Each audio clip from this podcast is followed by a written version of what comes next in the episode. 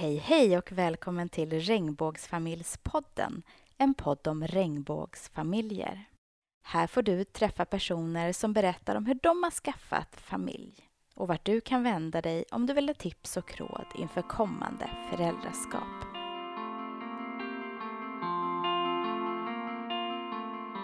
Då säger jag hej och välkomna till Regnbågsfamiljspodden, Hampus och Linda. Hej hej! Tackar. Kan eh, börja lite, berätta, vem är Hampus?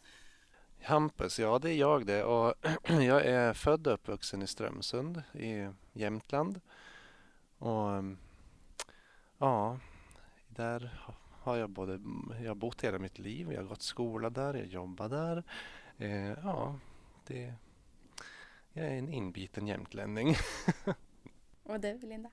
Ja, jag kommer från Östersund men har bott sedan i Göteborg i några år innan jag flyttade tillbaka till, till Jämtland. Då. Och då var det Strömsund för att min mamma hade flyttat dit och då kände vi att det var lika bra att vi flyttade dit också. Mm. Hur ser familjen ut? Ja, eh, vi är ju tre vuxna och åtta barn i vår familj. Det är alltså jag, Linda och Erik som bor tillsammans i ett eh, förhållande där vi älskar varandra. Och eh, innan vi flyttade ihop så hade Erik och Linda fyra barn och jag hade ett barn. Och under tiden vi har bott ihop så har vi skaffat tre gemensamma barn. Så ser vår familj ut. Och när träffades ni? Eh, när var det? Fem, Sex år sedan, snart sex år sedan. Ja. Vi flyttade ihop första januari 2013. Åtta barn, hur får man en sån vardag att gå ihop?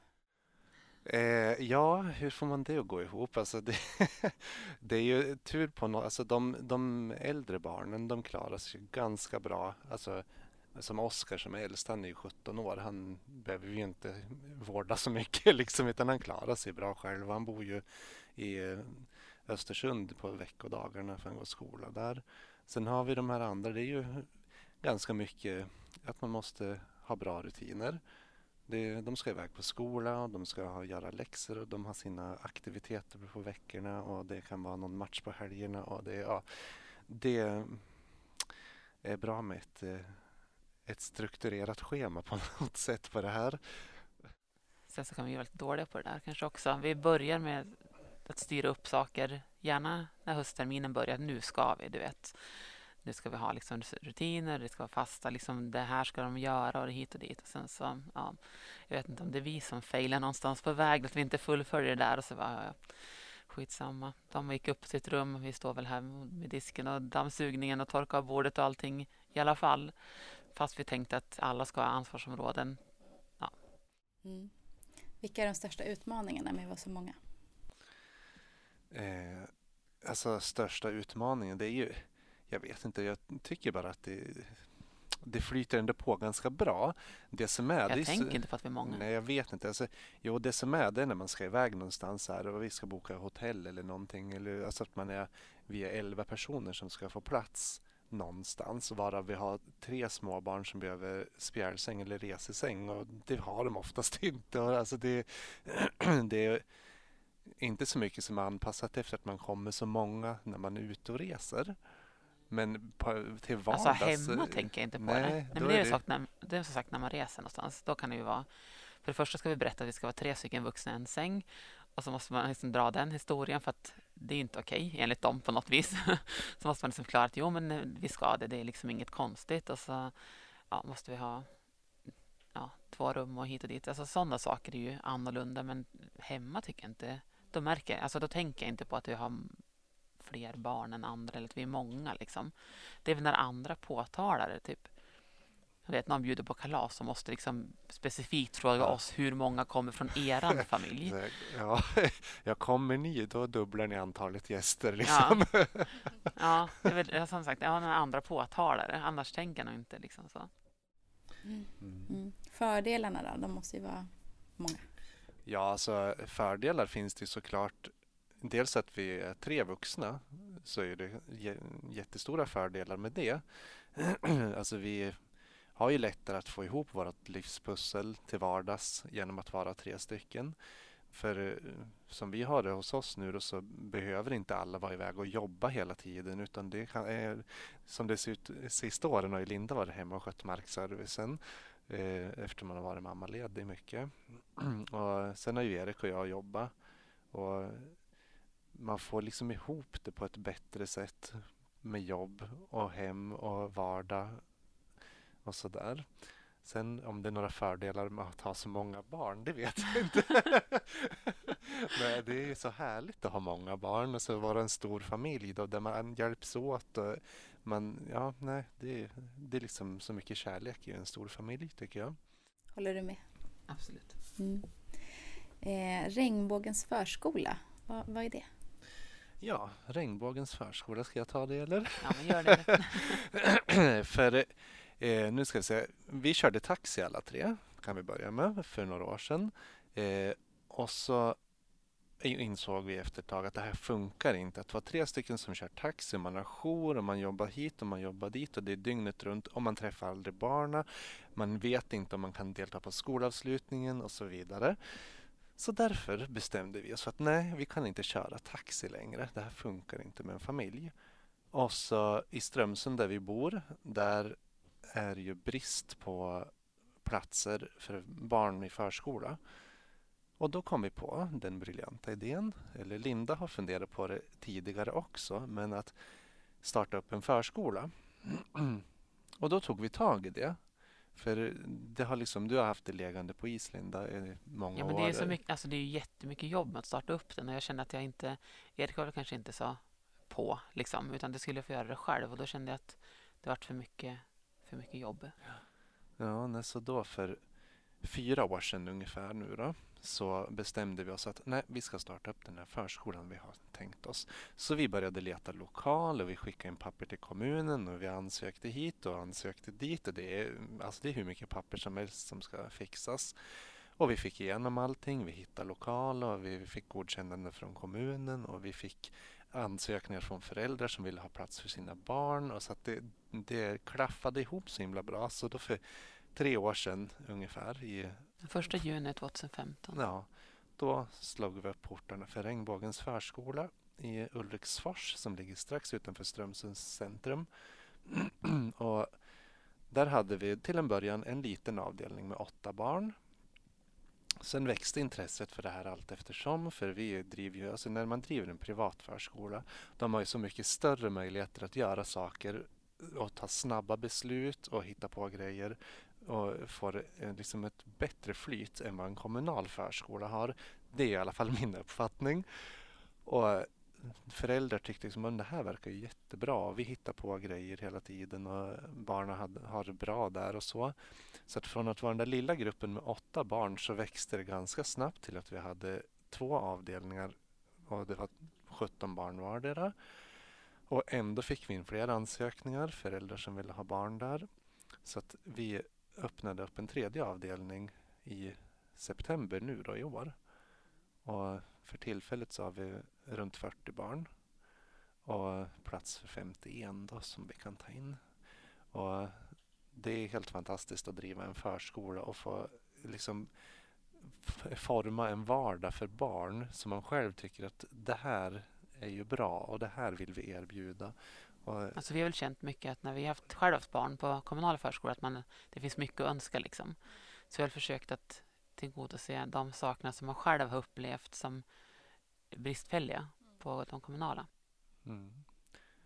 Och när vi startade den här förskolan, det fattade vi också att det var en, en stor chansning.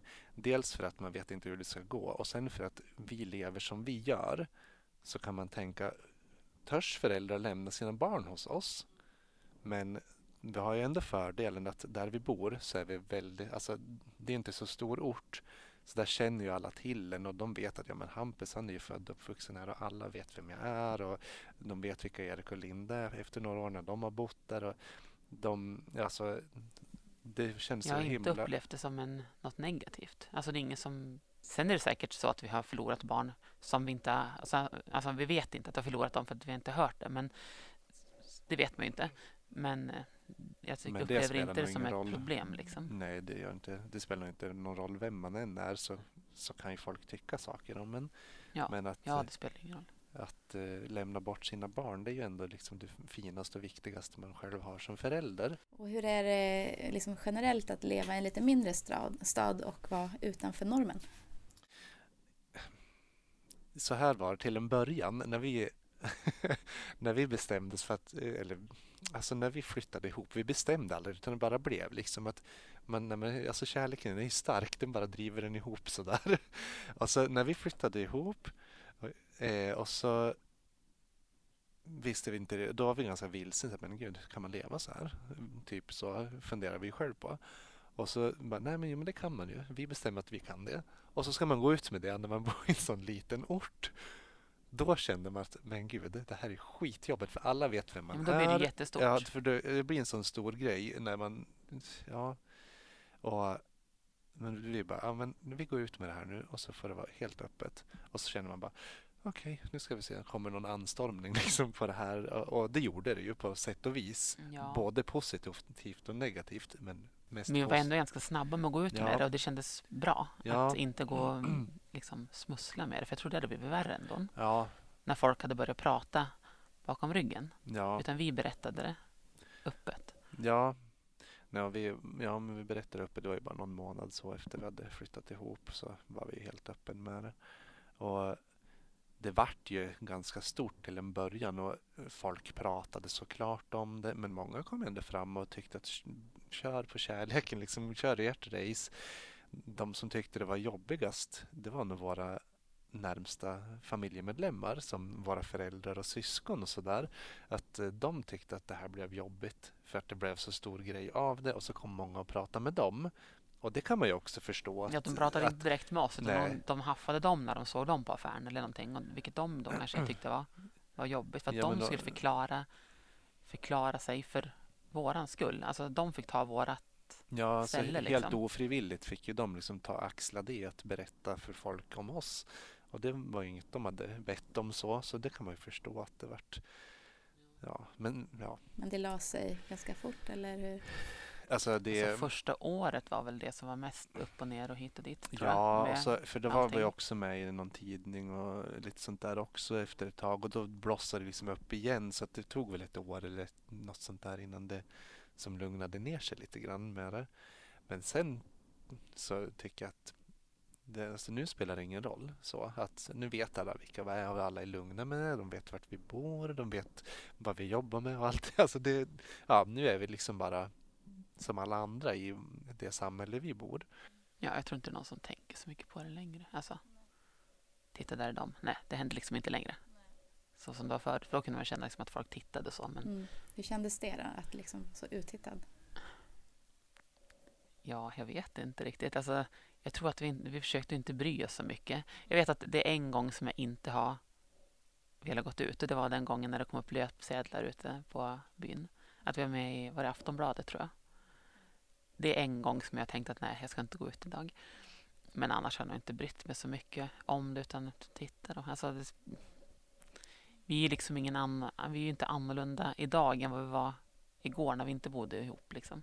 Hur gamla är, är barnen? Ni sa 17 var äldsta Ja, och yngsta ett. ett. Och hur många var gemensamma? Tre stycken. Ja. Ja. Hur fungerar det med vårdnaden när man är tre föräldrar? Ja, tyvärr så kan man ju bara vara två vårdnadshavare i Sverige och det är ju väldigt tråkigt i såna, alltså när man lever på det här sättet. För det hade ju vi önskat att vi kunde vara vårdnadshavare tre stycken för våra gemensamma barn som vi har skaffat, liksom fått nu under tiden vi har bott ihop. Men det går inte. Eh, så vårdnaden, det är ju bara två som kan vara det.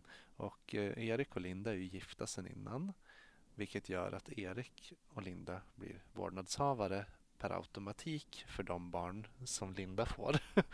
eh, om vi inte aktivt eh, väljer att eh, göra en ändring på det. För det kan man ju göra. Men då måste man ju ta bort Erik som vårdnadshavare och jag blir vårdnadshavare. Eh, och det här Alltså det, är, det här är ju socialtjänsten lite noga med, att rätt ska vara rätt. Och det är väl i och för sig bra också att den som är biologisk far ska stå som vårdnadshavare. Eh, så att när vi har när vi har fått våra barn, först var det ju tvillingar, Nils och Signe. Och så kom ju Birk då för ett år sedan. Så vid båda de tillfällena så har ju socialtjänsten eh, liksom Fast de har ju krävt att det ska göras faderskapstest. Ja, det ska göras faderskapstest för de vill veta vem som är biologisk far så att man skriver rätt vårdnadshavare på det. Så det, det, har vi fått gått igenom vid båda de tillfällena då. Så granskat oss. Mm. Hur har den processen känts? Ja, det är ju som det känns så fånigt på något vis. För man vet ju, alltså vi vet ju att vi är föräldrar alla tre. Och det här är ju bara pappersexercis som känns så fjantig. Och så blir det ändå inte rätt i slutändan. Utan det kommer ändå inte bli att vi är tre vårdnadshavare. Så det känns liksom helt puckat egentligen. Och så, sen är det ju positivt då i Strömsund där vi bor att ja, men det är lite så, man vet ju vem den här socialtanten är och man liksom kan prata eh, som med vem som helst. Alltså att eh, hon förstår också våran situation även om hon inte kan göra någonting åt den. Nej, hon har ju sina lagar och regler att ja. följa om man säger. Men ja, alltså just det, när, speciellt när vi, när vi vill någonting men inte får. Ja, så det, fast... Och det är inget, alltså det som vi vill är ju liksom inget som blir sämre för barnen om man säger så. Men, ja, nej. nej, det kan ju inte bli sämre att man har tre föräldrar. Det kan ju inte jag tycka i alla fall. men nej, så det, ja, det är ju, och jag vet, det är många som genomgår sådana här processer med socialtjänst, och, alltså som lever i regnbågsfamiljer. Och det, alltså att vi ska behöva slåss och tampas för att få igenom något som är så självklart mm. egentligen. Mm. Det, ja. mm. Men bemötandet från socialtjänsten var i alla fall humant. Liksom, så. Ja, ja. det tycker jag. Alltså, de har ju varit väldigt alltså, tillmötesgående och de har tagit reda för det här var liksom lite, lite speciell situation för dem också. Så att vi kontaktade dem ganska tidigt för att vi ville ju kunna försöka få, få det klart eftersom vi visste att vi måste gå igenom allt det här så ville vi ändå försöka få klart det så fort som möjligt. Så jag vet inte vilken vecka eller månad det var i när vi kontaktade dem första gången. Det var ju... Fjärde, femte Ja, någonstans där. För att liksom de skulle få tiden att kolla igenom. För det var ju mycket... Hon visste ju inte heller riktigt hur hon skulle göra. Nej, hon hade inte genomgått, alltså, haft ett sånt här fall innan såklart. eh, att eh, man kommer tre stycken och man har alltså, så som vi gör. Men då hon tog reda på allt och plockade fram papper och liksom fick läsa på och fråga sig, alltså, sina kollegor och hur ska vi göra det här. Så hon hade allting klart. Men vi kunde inte göra någonting förrän barnen var födda. Nej, Utan Nej då... för de måste vara födda innan man kan göra faderskapstestet. Och då...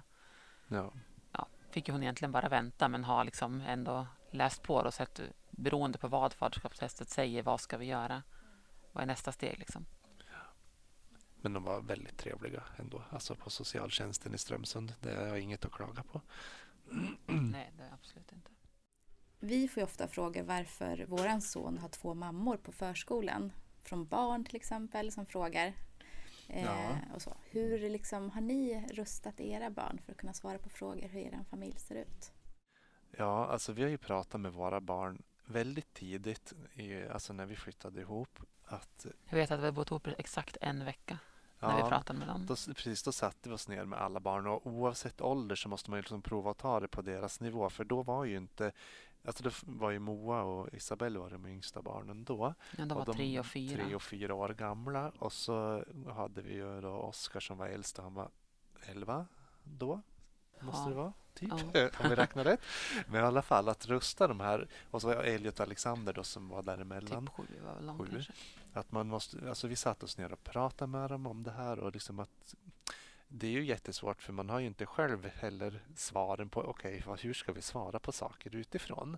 Men att vi ändå pratar med barnen om det, hur vi lever och att det inte är något konstigt och sen att var vi noga med att säga åt dem att om det var någon som retade dem eller höll på kom och tala om det så att vi kan prata med rektorn på skolan eller någon annan och att vi kan prova att ta det den vägen. Men jag är jätteglad över att det som inte var något större problem. Det är ingen som har kommit hem någonsin och sagt liksom att någon säger någonting dumt faktiskt. Alltså man kan ha hört någonting, någon, alltså någon hint om någonting, men då hör man liksom okej, okay, det här är föräldrarna som har sagt det här till barnen. Det är inte barnen som har alltså det här är föräldrar som har tyckt någonting till barnen fast barnen har Alltså man hör att barnen säger det föräldrarna sagt men barnet menar det inte egentligen. Nej, de bara Utan- kopierar en åsikt Ja. från sina föräldrar och Mm. det är ju jättetragiskt att höra när man får liksom sånt från ganska unga barn. Men eh, nej, de, och, eh, vi, alltså frågorna har ju kommit så där och det är ju även, man märker det på förskolan nu. Att, eh, men, att frågorna kommer och ja men och så nu efter ett tag så är det så självklart man hör några barn som bara Ja men Nils, Signe och Birk de har två papper, det är så bara. Alltså, och en mamma. alltså att det är inget onaturligt för barn. För barn är så väldigt, de är ju oformade. Alltså de tar emot och ja, det här är normalt och det där är normalt och allt är liksom normalt som man möter sådär. Så att det är ju det är inget konstigt för barn och ju yngre de är desto desto mer accepterande är de ju också. Ja, men jag vet inte om det barnet, jag vet, ex- alltså, jag vet specifikt ett barn som, som hade sagt det där som man vet att föräldrarna hade Ja, sagt åt dem. Men jag menar, det barnet leker ju våra barn med nu. Så att det är liksom inget problem utan det var ju bara nyhetsgrejen. Liksom, grejen. Mm. Om man tittar på vad folk är mest nyfikna på kring er, då, vad brukar det vara? Eh, ja hur sover ni i sängen? Mm. Brukar vara. Till höger eh, eller först. vänster? Vem eller ligger med vem? Det är liksom de sakerna som... Och hur görs det? Ja, precis. Det, det är så här, väldigt eh, intima, nyfikna frågor som bara kommer. Ja, så det är väldigt ofta. Men det kan ju fortfarande komma. Ja, ja det, är, det är liksom nästan fråga ett. Hur sover ni och hur, vem ligger med vem? Det är det. Och så då brukar vi svara med att ja, alltså vi sover i en säng och vi ligger med varann. Hur gör ni i ert förhållande? Lite så. Alltså det är så här konstigt att man ska behöva få den frågan ens en gång. För alltså, ja, hur gör ni andra i era förhållanden? Ligger ni med varann eller gör ni inte det? alltså det är ju, ja, ja, alltså, ja, då brukar man liksom, alltså då, då är de ändå nyfiken och vill ändå veta, ja men Hampus och Erik, då ligger ni med varandra? Alltså det, jag tror det är dit de vill komma, eller är det Linda som är liksom... Ja, för det kan ju ofta vara uppfattningen att det är jag som har två, tror jag. Alltså att Ja. de, de vill kolla av Ja. om det är så. De vill reda ut det. Är det Ja. Linda som har två män eller är vi tillsammans alla tre? Och då är ja, det slutgiltiga svaret ja, vi ligger med varandra alla tre. det är liksom dit vi brukar få komma med Och då är de så svaret. nöjda. Ja, då är de något nöjd vis. med det. Okej, ja men då vet vi. Så får de väl fundera vidare själv då. Ja, men ibland, alltså, vissa har liksom till och med ställt frågan liksom, hur? Ja, Vad men, så- alltså, ja men vadå hur? Ja, ja. alltså, ja. ska vi behöva svara på det liksom? Nej, egentligen Vem inte. hade med det att göra liksom? Ja, Vilken ställning hade ni igår kväll? Alltså har man lust att fråga tillbaks liksom. ja. Eh, Så det brukar vara vanligt. Och sen, jag vet inte, andra frågor vi brukar få. Det, ja, alltså hur bor ni? Eftersom vi är så många, det brukar ju också komma om de inte vet det sen innan. Så att eh, det är ju en fråga. Ja, vi bor i ett ganska stort hus givetvis. Vi har, bor på 300 kvadrat, eh, åtta sovrum för tillfället. Vi håller på att prova att se över få till fler. Men ja, det, det brukar vara hur vi bor. Och sen så tycker folk att vi borde... Alltså, de vill ju hinta om att vi har mycket pengar för att vi har många barn. Ja, precis. Som det, att barnen gör en rik. Absolut. Ja, men ni som har så många barn får ju stort barnbidrag. Ja, Ja. precis. Men vi skulle även köpa åtta par nya skor nu och åtta uppsättningar vinterkläder. Mm. Så att det vart ju lite minus på kontot då. Och lite blöjor och Ja, precis. mat? Ja, Mm. det... Precis, tre blöjbarn är liksom inte heller helt gratis. Nej. Men, Men, eh, folk tycker alltså de får inte ihop den ekvationen tror jag. Att, att barn kostar pengar också utan vi får ju bara in pengar. Mm, absolut, ja, Mm, det jo, förstår men, jag. ja. Ehm, ni har pratat lite om fördelarna med, med att ha så, så många barn. Eh, kan ni inte utveckla det lite mer? Härligheten med barn. Mm. Ja, alltså att eh, när vi har att ha så här många barn, det är ju härligt på många sätt. Dels att de är utspridda i olika åldrar. För då har man ju alltifrån de här som kan hjälpa till och göra saker. Och Oskar kan ju liksom hjälpa till att jobba om det behövs med olika saker och sådär. Till de här små som liksom är, har sitt charmiga och gulliga. Och så har man de stora som kan hjälpa till med de små. Och man märker ju som Isabelle och Moa som är nio och tio tycker det är otroligt härligt med Nils Signe och Birk då, som är så små. Det blir liksom, ser man den här ja, stereotypa lillmamma-grejen då. Men... Ja, men var det någon vecka sedan Nils Signe har fått nytt rum bredvid Isabelle. Ja. Så hör jag halv fyra. Bara, men gud, vad är det som låter? Då har ju någon av dem där gnällt inne på sitt rum och Isabella var och hämtat dem och tagit upp dem till sig i sitt rum. Då. För att vi hade inte, alltså de har väl gnällt så att vi inte hunnit hört dem liksom. Så hon har ju hunnit tagit dem innan. Så jag bara, okej, okay, kan någon bara... För då hade jag Birk på armen, alltså Birk låg i våran säng på min arm så jag kunde liksom inte kliva upp. Så jag bara, ursäkta, kan någon gå upp och lägga Nils och Signe igen? För nu, ja. Då var liksom både Isabelle och Nils och Signe uppe halv fyra där på natten. Ja, så då var jag upp till Isabelle. Bara, eh, Isabelle, du kan, du kan gå och lägga dig igen. Jag tar hand om det här. så får man lite dåligt samvete som förälder. Bara, Åh oh, gud, och en nioåring har tagit hand om tvillingarna som är tre. halv fyra på natten. Ja. Men, ja, det, men, det, ja, men det är ju en trygghet ja, det alltså, att ha varandra på det ja, sättet. Men det är ju, blir så härligt med, ja, när de har alltså när man har varandra och så många och att kunna hjälpa till och ta hand om de små också. Alltså det är ju så med en stor familj att man måste hjälpas åt. Och det, det kommer de ju liksom ja, in även om de inte liksom ska ta våran roll så är det ändå liksom att de små barnen vill gå upp och liksom till dem och de stora frågar om de vill komma upp i deras rum. Ja. Nej, men sen det skulle ju vara omöjligt att rodda en familj med elva personer om man inte hjälps åt såklart. Det, det behöver man ju göra och det kommer ju ganska självklart att man hinner ju inte med annars och då är det bara ja men du hjälp till här, dammsug där eller vi måste fixa det här och följ med ut, vi ska fixa någonting där, städa gården. Så att det blir ändå den här storfamiljen blir ju som en, ja, litet företag ett litet företag. Ja, precis. Att man ska få maskineriet att snurra. Mm. Har ni veckomöten? Planeringsmöten? Vi har kört det i omgångar faktiskt. Ja. Att eh, vi har haft så. Men eh, det varit lite som du sa tidigare, att det var lite si och så med uppföljningen på de ja, där.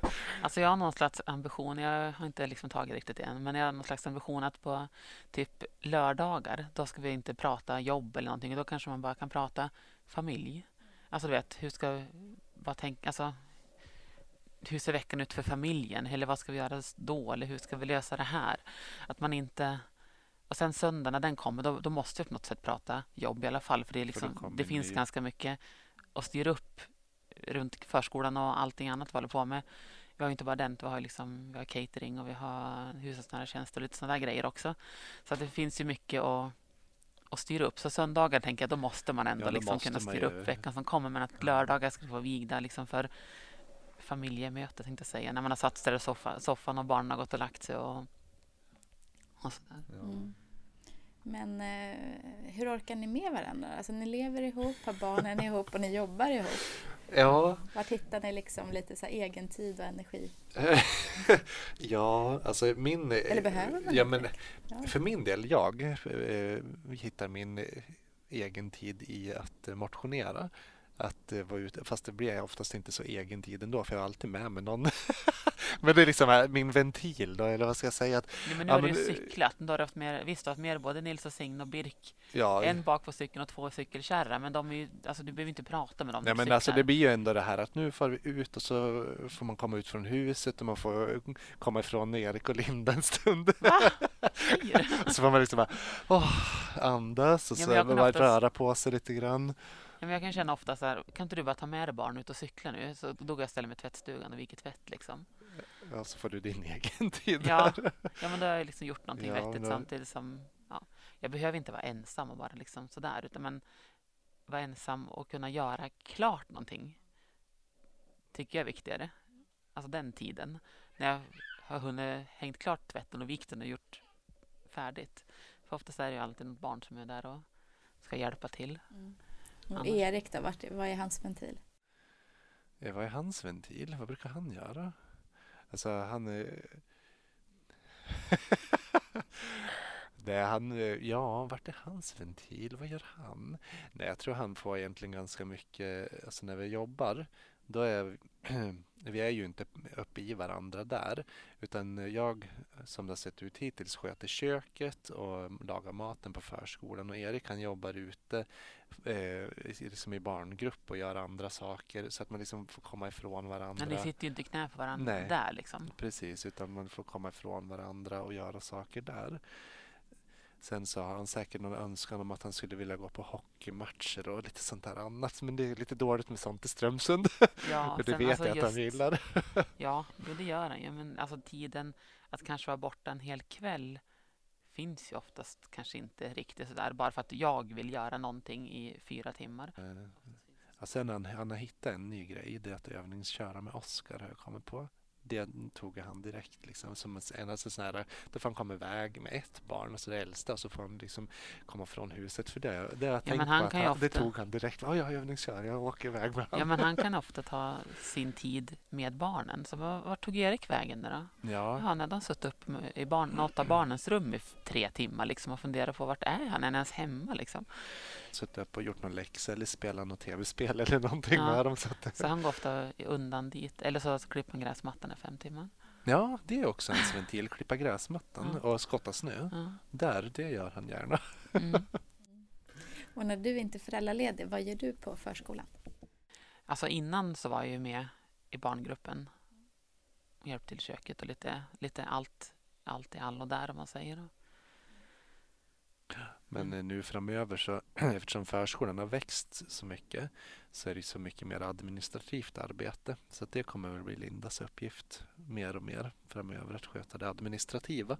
Vilket eh, ja, det kan du göra både hemifrån eller därifrån. Men eh, det behövs ju när man har fått till en så stor organisation jämfört med vad den var. Det är mycket mer än vad man tänker Ja. liksom att det är. För jag var inne och jobbade en sväng där mellan. Och Signe föddes ju tre månader efter vi hade startat i Svartare. Ja, Eller fyra. Ja, de föddes 2015. Så att eh, jag var inne och jobbade en sväng där mellan, mellan dem och Birk då, om man säger. Men ja, jag tror att det blir mest hemifrån för att ja, det, det är mycket pappersarbete och hit och dit och sen så är det ju så att hemmet sköts ju inte sig själv heller utan kan man liksom alternera under dagen då och även fixa med sånt som behövs hemma. Och eran liksom, relation, hur vårdar man den när man har åtta barn? ja Tips? Tips på det eh, är att eh, det är ju lite svårt att eh, få barnvakt till så många men det är ju tur att de största inte behöver så mycket barnvaktande. Men vi har någon gång ibland tagit liksom och fråga om det, vi kan få lite barnvakt och gå ut och äta eller bara göra någonting så här som bara är vi tre och det brukar vi, alltså Nils och Signes gudföräldrar brukar kunna ställa upp och din mamma ställt upp och sådär. Liksom, inte ofta men någon nej, gång men ibland någon sådär. gång ibland bara nej, alltså nu måste vi få gå ut och äta, bara vi tre. Det känns lite grann som att man måste ha när man frågar efter barnvakt så måste man ha en, giltig anledning. Man kan inte bara säga kan ni passa våra barn, vi ska sätta oss i soffan och kolla på en film. Den funkar liksom inte. Nej, det är ingen Den- som går på den. Nej, utan man måste ha en giltig anledning. Men som sagt att gå ut och äta då, en timme eller två, det kan vara Sen så brukar vi vara ganska duktiga på att till vardags, även om vi håller på med mycket, och så ska vi, då provar vi att få alla de små barnen i säng runt sju, stöka klart med det sista och liksom ändå kunna sätta sig ner vid åtta och faktiskt prata med varann. Eller bara titta på en film eller vad vi nu än vill göra. Men att man även till vardags att försöker man att inte håller på att springa runt klockan elva på kvällen utan att man, Ja, jag tycker det, just det här att få i säng de små barnen är väldigt mycket värt. För det, jag vet, andra kan ha andra åsikter, eller det vet vi att de har. att Ja, men herregud, det gör ingenting om barnen är uppe till elva och sådär på kvällen. Jag ska aldrig klara av det. Jag, alltså, jag behöver den där tiden när barnen har lagt sig och vi kan prata om saker. Ja, och sen så tycker jag att barn, eller våra barn i alla fall, de mår ju bra av att sova. Du bloggar också på Vi föräldrar. Ja, precis. Gör du det fortfarande? Ja, Ja. det gör jag. Varför gör du det? Ja, men vi startade upp en blogg gemensamt eh, ja, det var just där strax efter jag hade flyttat ihop. Ja, men det var väl redan Och- typ en månad efter eller Ja. någonting tror jag vi startade. Precis, och vi startade upp den bloggen för att vi vill ändå visa att man kan leva på det här sättet. Att eh, liksom normalisera det lite mer. Att ju mer det syns, desto mindre främmande blir det ju. Lika väl som att man, ja, så där med homosexuella eller vad än det nu är, att hur man än lever och att man har barn och att det blir normalt i andras ögon. Att eh, vi visar upp där vad vi gör om dagarna och skriver om våran vardag och allting. Och, Ja, att folk ser att vi också, vi städar också, vi, vi bråkar och vi alltså, renoverar och vi gör, vi gör allt som alla andra gör. Det är liksom inget konstigt för att från början kändes det som att allt gick ut på bara sex liksom. Det var det de trodde vi ägnade oss åt, åt på dagarna. Ja, och då, Endast. och då kändes det väldigt bra att skriva och visa med bilder. Vad är det vi gör om dagarna? Hur lever vi? Och hur är det med alla åtta barnen nu och allting? Och så började vi även vlogga. Ehm, det var väl ett år sedan. Någon, strax innan Birk föddes så började vi vlogga också. För det kändes som att vi ville ta det ett steg längre att kunna visa även med film. Hur är det här livet? Hur, hur bor vi? Hur har vi det? Vad gör vi? Och att kunna visa upp för andra att vi är ganska normala. Mm. mm. Förutom supermänniskor som har åtta barn och företag och, Ja. och renoveringar och allting. Förutom det då. Förutom det. Ja, jo, men det är väl, alltså får vi ofta höra att vi har väldigt mycket, många bollar i luften, att vi verkar ha hur mycket energi som helst och så där. Det får vi ofta höra. Och det är väl lite grann så att vi har svårt att bara slappna av och, och, och liksom tycka att nu är vi nöjd, nu är det bra. Alltså, nej, vi driver på, vi måste hitta på någonting mer, vi gör någonting, vi måste fixa Ja, men en dag och bara hem och inte göra någonting gör ju till slut att alla går bara runt och surar. Ja, nej, men vi bestämde oss ju för det för ett halvår sedan. Att, nej, men på lördag då ska vi göra ingenting. Den där lördagen var den värsta dagen i mitt liv. Ja, men alla går runt och bara liksom, nej, i cirklar och inte gör någonting. Det är inte våran grej liksom. Säger jag tack Campus och Linda för att ni delade med er av er berättelse. Ja, tack så mycket.